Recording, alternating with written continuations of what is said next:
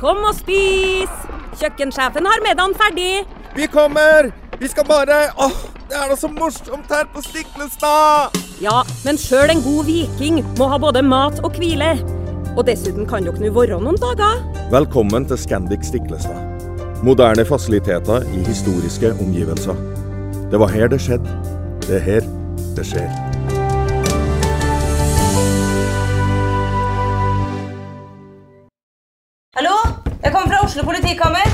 Ine Jansen er purk. Er du purk? The motherfucking bitch. Alt jeg vil, er å finne ut hva som skjedde med mannen min. Jon Carew. Er jeg sikta for noe? Iben Akeli. Det er du. Ole So, Lars Berrum og Big Daddy Karsten. Hvem sin side er du på, egentlig? Anette Hoff, Tone Danielsen, Kommer du fra Afrika? Jørnis Josef, Nesten. Kløfta. Trond Espen Seim, Det er synd å si det, men det var feil mann som døde. Purk. Premiere tirsdag på TV2 Play.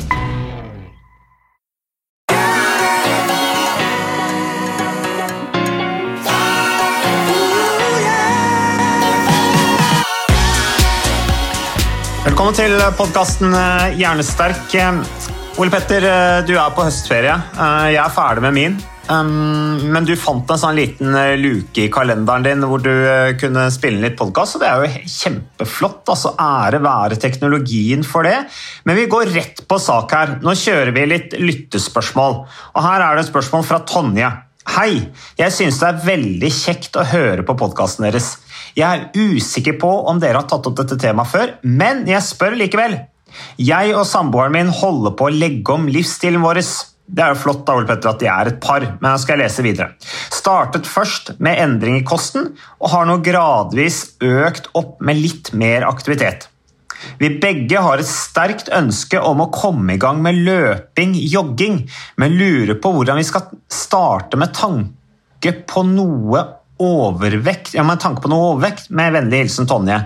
Eh, bare sånn umiddelbart, Ole Petter, før du eh, sier noe som helt sikkert er veldig klokt. Det er jo én som jeg var inne på her. De er to stykker. Det er veldig bra at de gjør dette her sammen. De, liksom, de har satt seg ned, tatt denne praten, blitt enige om at nå gjør vi dette her. Og Det er jo så mye lettere å gjøre når man er to. Det har vi pratet om også. De er et team, liksom. De kan heie på hverandre, følge opp hverandre, gi hverandre anerkjennelse og ikke minst gjøre det sammen. Det er et utrolig bra utgangspunkt. Er du ikke enig i det? Jo, helt enig. Og det er klart det å være to stykker, om du skal endre kosthold, eh, mosjonsvaner, kombinasjon, heier veldig på de som eh, gjør dette sammen. Da har du noen som heier på deg og støtter deg. Og hvis man snur litt på det, det å f.eks. være i et parforhold eh, hvor den ene er opptatt av å kanskje gjøre noe med kostholdet, mens den andre ikke er det, eller mosjonsvaner, det gjør det mye mer tricky. Vi lever jo ikke i et vakuum, og kanskje spesielt dette med mat. Da, det er jo gjerne en sånn felles sosial arena.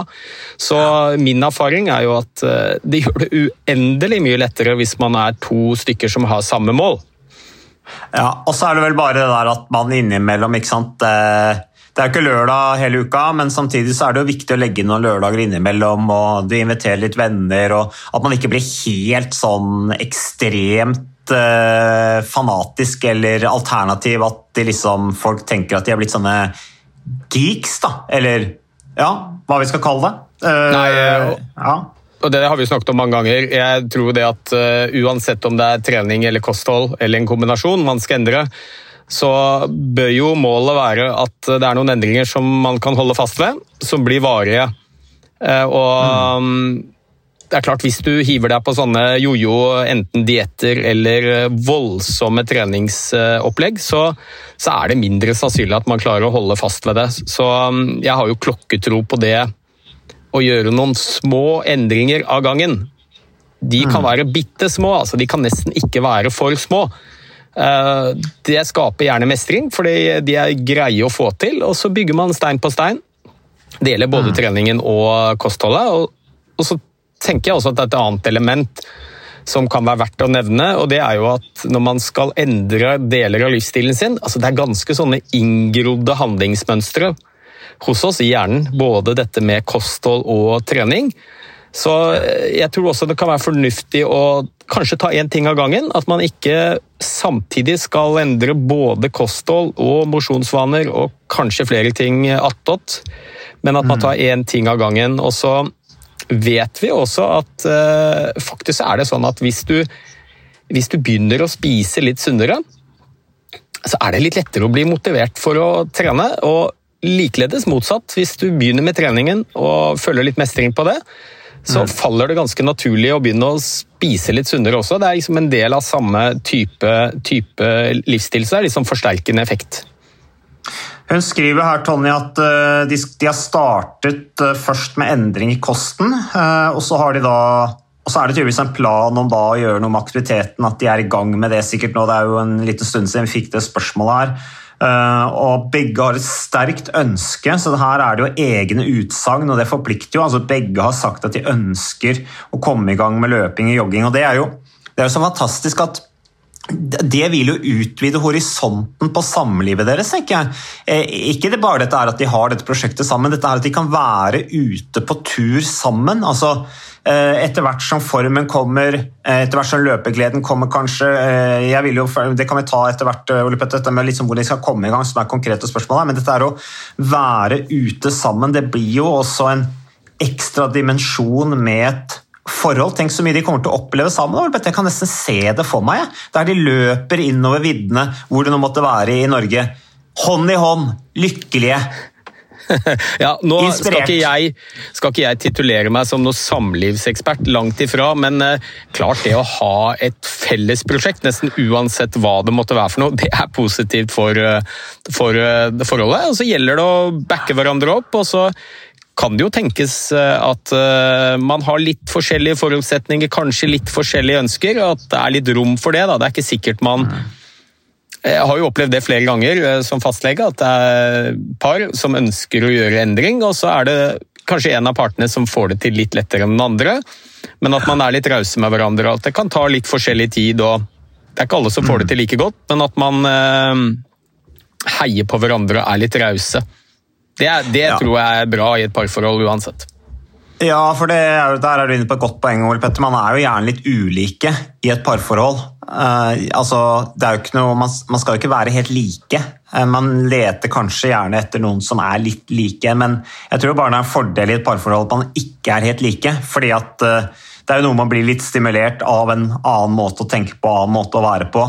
Er Altså, For min egen del, jeg deler jo mye av de samme verdiene med kona, men vi er jo ikke helt like. Vi er jo litt forskjellige, og da tenker jeg særlig hvis du gjør et sånt felles prosjekt, så er det noe med at man har forståelse for at den andre kanskje har litt tyngre for enkelte ting enn den andre. At, det, at man jobber sammen som et lag. Da. Og da er det jo disse her eh, komparative fordelene som man kaller det, i, i hvert fall i idretten, da, og sikkert andre sammenhenger også. at at uh, ulikheter kan trekke i samme retning uh, og utfylle hverandre.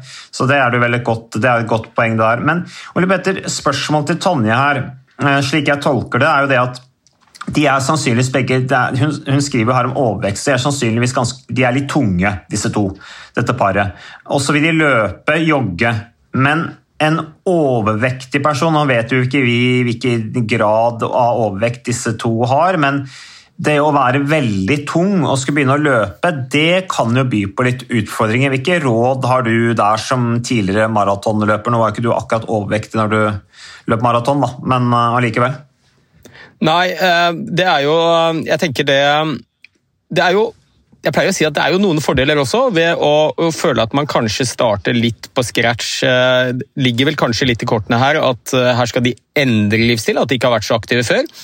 Og så har de lyst til å begynne å bevege seg mer, eh, og mm. har noen kilo ekstra, begge to, sånn som jeg forstår det. Fordelen med det er jo at man vil oppleve framgang veldig kjapt. Og mm. sannsynligvis ha framgang lenge også. Så det er liksom fordelen med å starte litt på scratch. Og det der tror jeg ikke vi skal undervurdere, også, for den følelsen av at ting går lettere etter hvert. Det er en dørterskel for å komme i gang, men når man mm. begynner å bevege seg litt mer, så vil de nok oppleve ganske fort at eh, fra uke til uke så begynner ting å gå litt lettere, og det er utrolig Altså, det skaper en veldig mestringsfølelse og ja. motivasjon. Mm. Men det er klart, det som er utfordrende med det, er jo at eh, det kan oppleves tungt til å begynne med. Så hvis vi nå har to stykker som ønsker å løpe gå, så vil jo mitt, mm. mitt, tips være at til å begynne med så starter man med spaserturer. Ja. Og um, gjerne litt uh, hastighet på det, sånn at man føler man blir litt svett og andpusten. Og um, pass på å ha godt skotøy. Det er viktig ja. for alle. Altså ha ordentlig joggesko. Gå gjerne til en butikk som, som kan dette. Dvs. Si at de eh, kanskje ikke selger både vaskemaskiner og joggesko. Eh, som det finnes eh, noen eksempler på, men at de eh, er litt sånn spesialistbutikk på, um, på skotøy og løpesko. Da har du muligheten til å sjekke steget ditt, eh, hva slags type sko som er best for deg og ditt steg. Og det er jo primært for å unngå skader. Og Det er klart det er ekstra viktig når du har noen kilo ekstra, for da er det en mye større belastning eh, på all aktivitet som er vektbærende. Det er jo selvfølgelig gange og, og løping. Og jeg vil nok anbefalt, hvis man har mulighet til det, der man bor, å prøve å få i fall en stor andel av disse gåturene gjerne på litt mykt og variert underlag. For det første så tror jeg de fleste syns det er triveligere å gå i skog og mark enn enn å gå gatelangs. Eh, og så er det veldig beskyttende mot, mot skader. Og, og så Og så er det jo stabiliserende òg. Det er jo stabiliserende også på en litt annen måte. Det, er, det jo en litt mindre monoton belastning, så du får trent litt mer små muskler osv. Det gir en annen intensitet på turen. Selv om du bare er ute og går en tur, så er det noe med konsentrasjonen din eh, og det at det er litt mindre Det er mindre kjedelig rett og slett enn å gå på, på asfalt. Eh, og da får du brukt hodet på en annen måte, sånn som du har snakket om også. Og så er dette å bruke armene godt, altså slenge godt med armene sånn at man bruker overkroppen, er jo også et, et bra tips her når man først er ute og går. Men, eh, men det, gir en, det gir en annen belastning hvis man går i terrenget, og gjerne på litt sånn skikkelig sti. Altså med litt stokk og stein og litt opp og ned, så gir jo det en, en, en bedre treningsbelastning uten at det nødvendigvis føles så, så, så hardt, da. Ja, og så er det et annet element i det, og det handler om hjernen. og det er at eh, Jo mer kall det stimulerende miljø vi beveger oss i, jo større belønning for hjernen. Og Det handler i bunn og grunn om eh, jo flere områder av hjernen som blir aktivert når du er i aktivitet, jo større belønning. Og Hvis du da tar noen ytterpunkter, da, gå på en tredemølle inne i et eh, lokale versus det å gå i skogen, så vet vi at det er mange flere områder av hjernen som eh, blir aktivert når du er ute i skauen. Det er mange flere sanseimpulser, lyder, lukter, eh, ulendt terreng som stimulerer flere deler av hjernen, eller aktiverer de. Og det gir deg en større belønning. Eh, Blant annet så ser vi at du får mer dopamin. Dette lykkehormonet, belønningshormonet, blir skilt ut mer av når vi er ute i skog og mark. Så, og så er det jo litt vanskelig å vite hvor man skal starte hen, men jeg tror min anbefaling, hvis man eh, ikke har beveget seg på lenge, kanskje starte med et par spaserturer i uka. Eh, Halvtime hver gang, kanskje, som et utgangspunkt. Spre de to eh, turene utover uka. Men disse her virker jo veldig motiverte, Ole Petter. Ja da, og, og, og det er jo helt supert at man har lyst til å gjøre mye, men jeg tror det er smart å starte litt forsiktig av flere grunner. Det ene handler om motivasjon. Det andre handler om eh, risiko for å få belastningsskader, spesielt når man har noen kilo ekstra, som de sier selv. Ja. Og dette har vi snakket om mange ganger. Ikke sant? Er målet ditt fem ganger i uka, og du klarer tre, så er det et signal til hjernen din om at du har feilet. Du klarte ikke målet ditt. Er målet to, og du klarer tre, så er det plutselig en seier. Så mm. jeg ville starta forsiktig.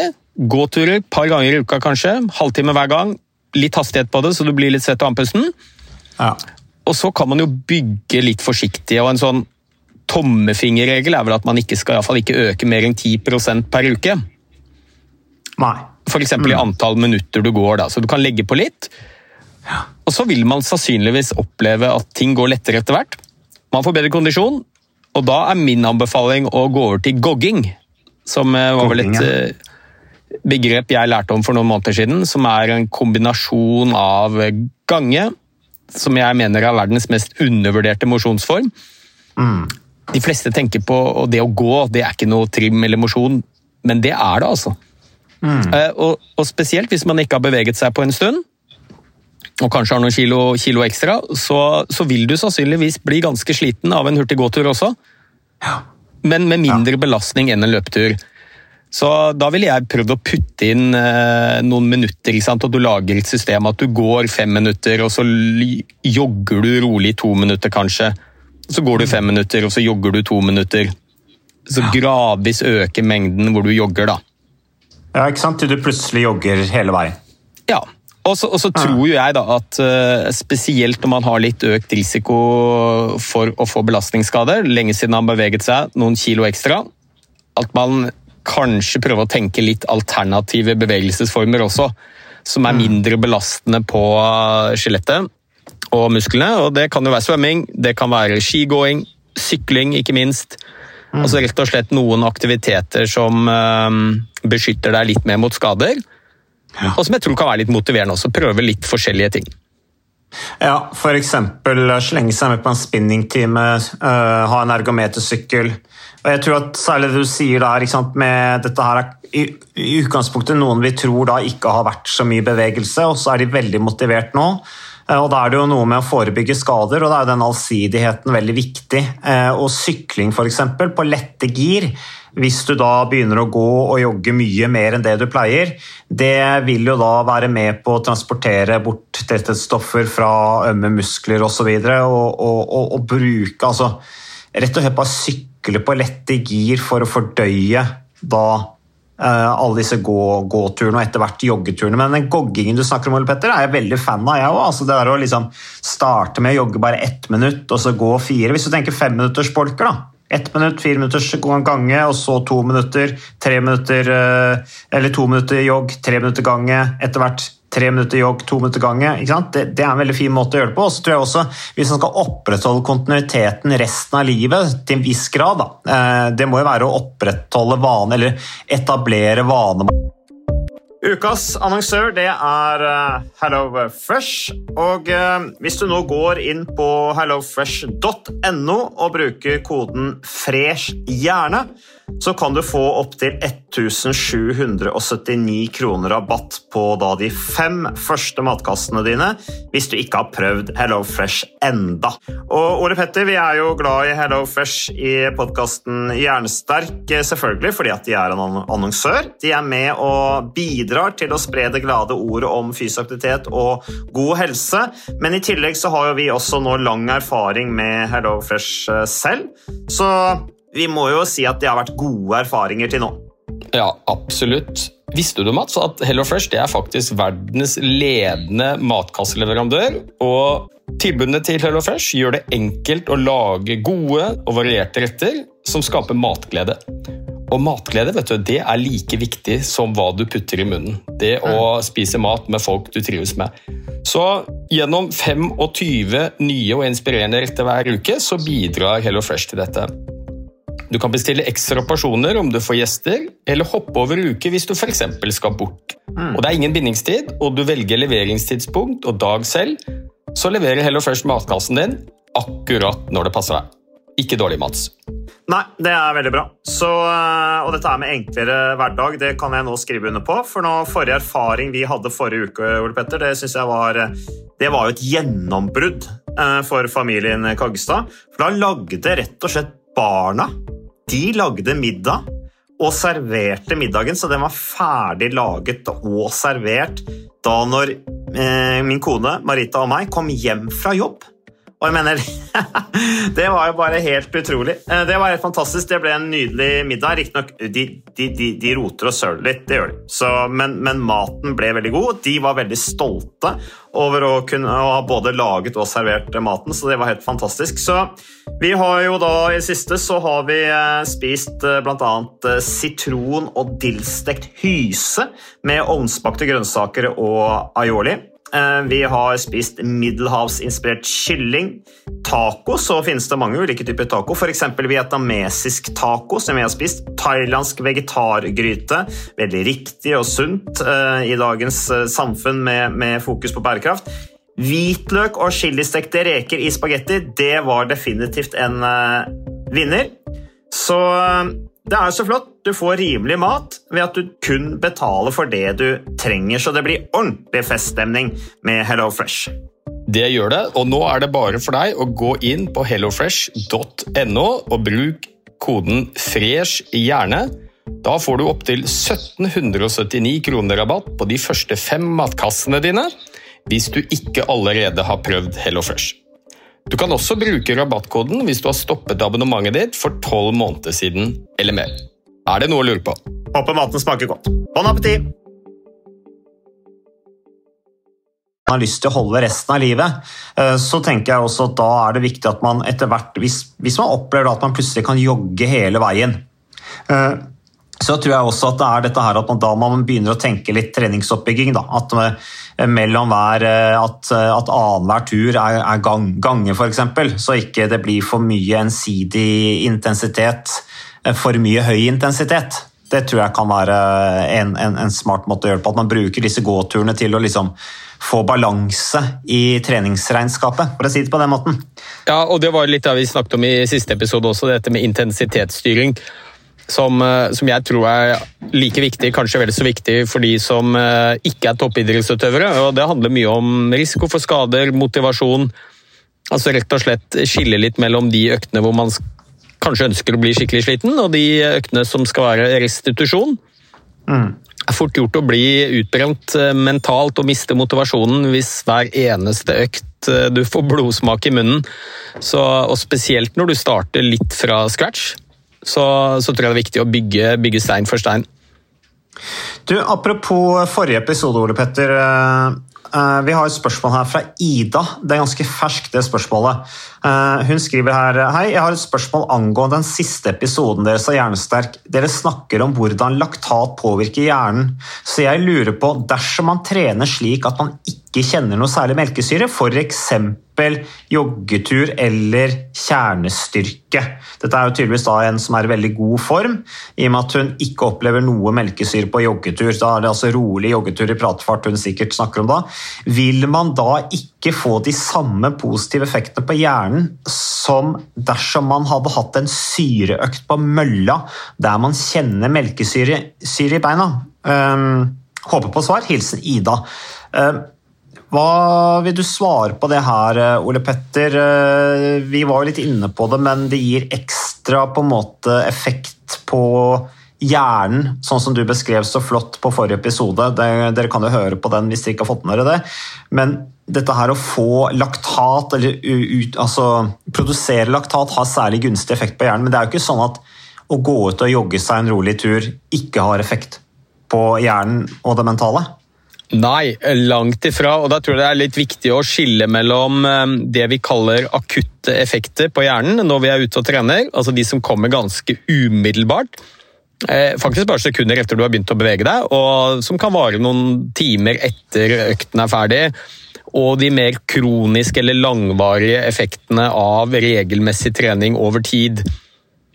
Og Hvis vi nå snakker om disse akutte akutte eh, effektene, f.eks. Eh, bedre konsentrasjon, oppmerksomhet, eh, hukommelse, humør, ikke minst, så, mm. så, er det mye som tyder på at de har ikke så mye med laktat å gjøre. Dvs. Si at det er kjemiske endringer inni hjernen. Flere signalstoffer, dopamin, endorfiner, endokannabinoider mange forskjellige navn på disse. Mye flotte ord her, altså. Ja, ja, ja. De kommer umiddelbart. Eh, og, mm. og, de er ganske uavhengig av intensitet. Og faktisk så er det sånn at hvis målet ditt f.eks. med en treningsøkt er å føle deg litt kvikkere mentalt i timene etterpå, fordi du eh, skal gjøre noe hvor det er viktig med hjernefunksjon, et jobbintervju, viktig møte på jobben, muntlig eksamen, skriftlig eksamen, mm. så kan det være en fordel at det er lav til moderat intensitet på økten. For da viser det seg at da er det disse umiddelbare hjernegevinstene du høster. Mm. Eh, dette med laktat det handler mer om de langsiktige og langvarige kroniske effektene av trening over tid. Mm. Eh, og, der tror vi at laktat er viktig for å stimulere til dannelsen av en rekke forskjellige vekststoffer. Det vi kalte hjernens gjødsel. Eh, og det er effekter som ses over uker og måneder og år.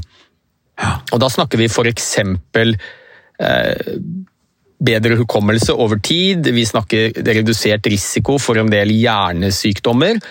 Eh, men, men, jeg tror det er viktig å presisere at eh, du får en formidabel gevinst på hjernen bare du går ut og spaserer deg en rolig tur. Mm. Sånn at vi er ikke avhengig av den laktaten for å få gevinst på hjernen. Men for å få en optimal gevinst på hjernen, hvis vi snakker om det, da, mm. så, så, kan det være en fordel å ha noen økter i løpet av uka, eller iallfall noen økter av og til, da, hvor du mm. faktisk produserer litt laktat. Eh, Men jeg tror det er viktig å presisere også at vi lager laktat eh, på lavere intensitet enn det vi tror. Altså, når du subjektivt opplever at du blir stiv i muskulaturen din, enten du sykler eller løper, da har du laget ganske mye laktat. Og du lager faktisk litt laktat på lavere intensitet også, hvor du ikke opplever at du blir stiv. F.eks. moderat intensitet. Eh, type eh, en litt rask løpetur, rask sykkeltur, hvor du kan holde på en times tid uten pause. Så produseres det en del laktat allikevel. Det er bare det at det blir buffret. altså Vi har kjemiske stoffer i blodet som nøytraliserer det, sånn at det ikke oppleves subjektivt. Så med andre ord, du behøver ikke å se mannen med ljåen eh, og få blodsmak i munnen for at du produserer laktat. Nei, det er en god nyhet. Ja, og så var jo dette litt sånn, Det var en litt sånn nerdete episode hvor vi eh, snakket om hva som er gjort forskningsmessig. Fordi det er jo en av de tingene vi lurer veldig på. ikke sant? Vi observerer noen ganske fantastiske gevinster på hjernen når vi trener. Og så ønsker vi jo selvfølgelig å finne ut nøyaktig hva er det som skjer inne i hjernen. Ja. Eh? Hvilke kjemiske stoffer er det, f.eks.? For dette kan jo potensielt bli behandlingsalternativer også. ikke sant? Man kan se for seg at man kan gi laktat i behandlingsform hos en pa pasienter som sliter med kognitiv svikt, hukommelsessvikt osv. Så, videre. så vi er opptatt av å få alle puslespillbitene på plass. Så det var jo eh, litt bakgrunnen for den episoden. Så jeg tror jeg kan oppsummere det med at eh, absolutt all bevegelse, uavhengig av intensitet, gir formidable gevinster på hjernen. Og de kortsiktige, de du opplever med en gang, eh, de er i liten grad avhengig av laktat. Men for mer langsiktige gevinster så virker det som det er en fordel med noen økter en gang iblant, hvor du eh, jobber med høy intensitet, hvor du produserer mer, mer laktat. Ja, Og da holder det i massevis med to-tre økter i uka. Er vi ikke enige Ja. om det, Ole Petter? Jo da, og nå, nå, er det, nå er det også en sånn diskusjon, og dette er det vi vet minst om når det gjelder fysisk aktivitet og gevinst, egentlig både på kroppen og hjernen, men mest hjernen kanskje. Det er det vi kaller doserespons, altså hvor mye gir en gitt gevinst. Eh, og så er vi litt usikre på liksom, hvor går dette knekkpunktet, f.eks., hvor det kan bli for mye som kan gi negative effekter. Men eh, mye tyder på at det knekkpunktet, der hvor eh, det kan bli for mye fysisk aktivitet for å få gevinst, eller altså hvor, hvor det blir en negativ effekt, den ligger veldig høyt. altså. Eh, Da snakker vi om treningsmengder som er langt over det 99% av befolkningen i, i sin villeste fantasi ser for seg som aktuelt. Ja, Menneskekroppen tåler mye juling. Absolutt. ja, og, og så er vi jo tilbake litt til det der, altså, Vi er faktisk laget for å være i fysisk aktivitet. Så det er jo ikke så rart at eh, kroppen og hjernen blir belønnet. Vi må huske at vi, vi er ikke laget for å sitte bak en pult eller sitte foran skjermen eh, 17-18 timer eh, i døgnet, sånn som eh, faktisk mange gjør. Nei.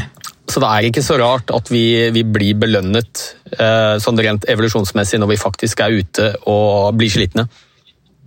Ja, Når du sier det, Petter, så kunne vi kanskje ha vi kunne kanskje ha kjørt litt hardt hver eneste dag, egentlig. Det er kanskje ikke egentlig noe problem. Jeg tenker jo veldig mye sånn sånn idrettsutøver. ikke sant? At eh, ja, du må ikke trene for mye intenst, fordi at da blir du overtrent og utbrent. Eh, Jeg tror på en måte overtrening har veldig mye med utbrenthet å gjøre også, særlig når en idrettsutøver på en måte har trent for hardt, og så presterer ikke, og så blir de mentalt stressa.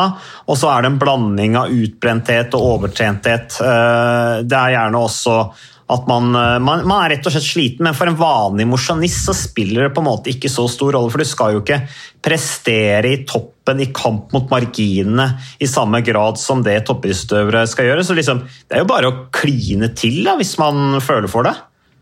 Altså, det er jo ekstremt individuelt, og, og vi skal ikke kimse av de som kanskje gjør for mye. Men, men eh, går vi tilbake til liksom, hva er det store folkehelseproblemet i Norge, så er det jo ikke at folk trener for hardt og for mye og blir overtrent. Nei. Så, eh, ikke sant? Våre første forfedre de anstrengte seg skikkelig, men når de var ferdig med å jakte eller flykte fra fiender, så lå de jo dønn i ro og hvilte. og Sånn Ja, er de jo ikke sov for folk. sikkert godt òg. Det gjorde de nok. og mm, ikke sant, Trengte ikke noe sovemedisin, de. Nei, altså Toppidrettsutøvere som Ingebrigtsen-brødrene eksempel, de kjører jo en haug med tøffe økter i løpet av en uke. Men da tror jeg det er viktig å huske at de har muligheten til å hvile og gjøre ingenting imellom øktene sine, og ha ganske kalde, ukompliserte liv hvor alt er gira mot å prestere best mulig. Så for en vanlig nordmann som har lyst til å holde seg i form, men har full jobb og familie og barn, eh, så er det viktig å, å tilpasse treningsmengden til total, totalbelastningen. Så eh, jeg kunne jo teorien som tidligere løper, jeg, og prøvd meg på å kjøre mange av de samme øktene intensitetsmessig som Ingebrigtsen-gutta, men jeg hadde jo eh, sannsynligvis hatt en fot i graven i løpet av et par uker. For jeg har mye annet jeg skal drive med også. Ja, og du ønsker ikke å utsette deg for, for en sånn lidelse lenger.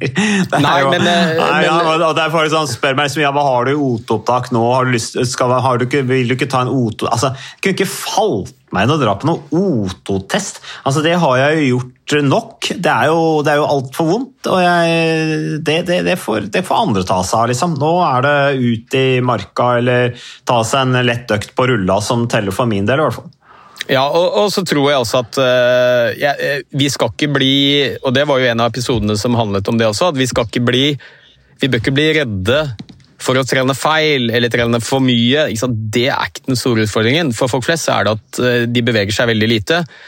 Og, og, mye av den aktiviteten vi snakker om, å gå og løpe, det er jo de enkleste, minst kompliserte formene for bevegelse. La oss ikke gjøre det for vanskelig sånn at folk er bekymra for at de trener med gal intensitet eller for mye. eller Altså, All bevegelse er bra, og så er det ekstremt individuelt hvor mye man tåler. Så et opplegg som funker for meg, er ikke sikkert det funker for deg, Mats.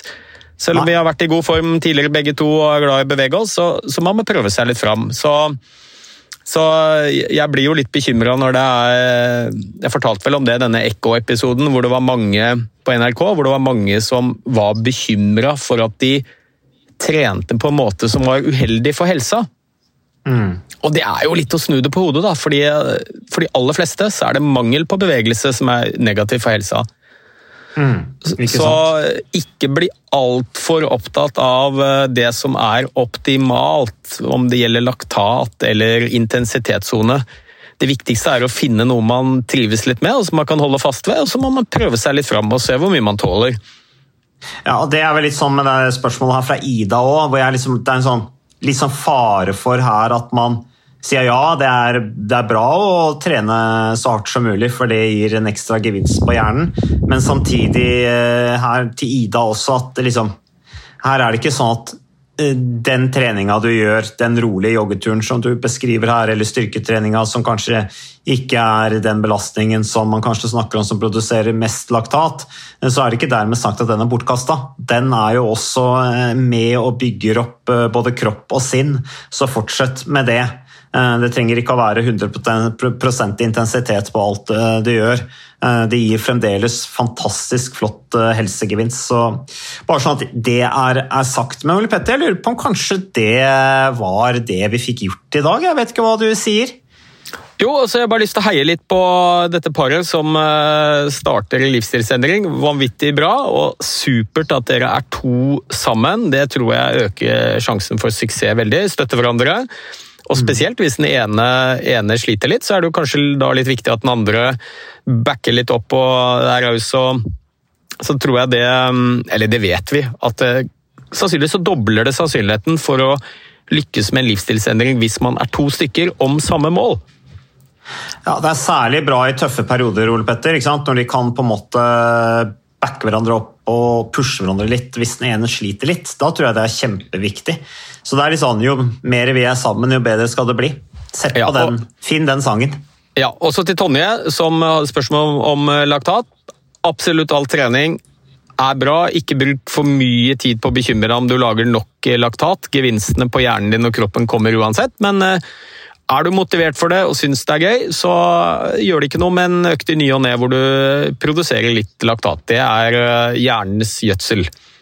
Og mm. gir eh, mange av disse langsiktige gevinstene som du for øvrig får med lavere intensitet også, men kanskje enda større gevinster hvis du av og til blir litt sliten. Ekstra sliten.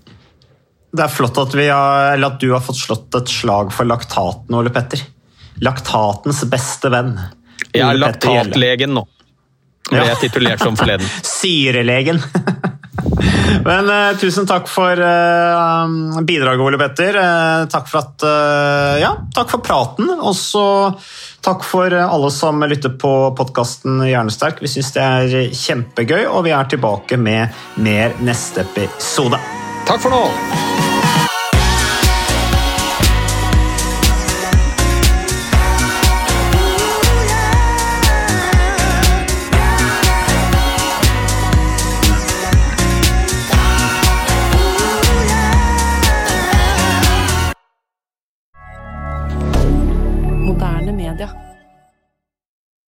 Har du et enkeltpersonforetak eller en liten bedrift? Da er du sikkert lei av å høre meg snakke om hvor enkelt det er med kvitteringer og bilag i fiken, så vi eh, gir oss her, vi.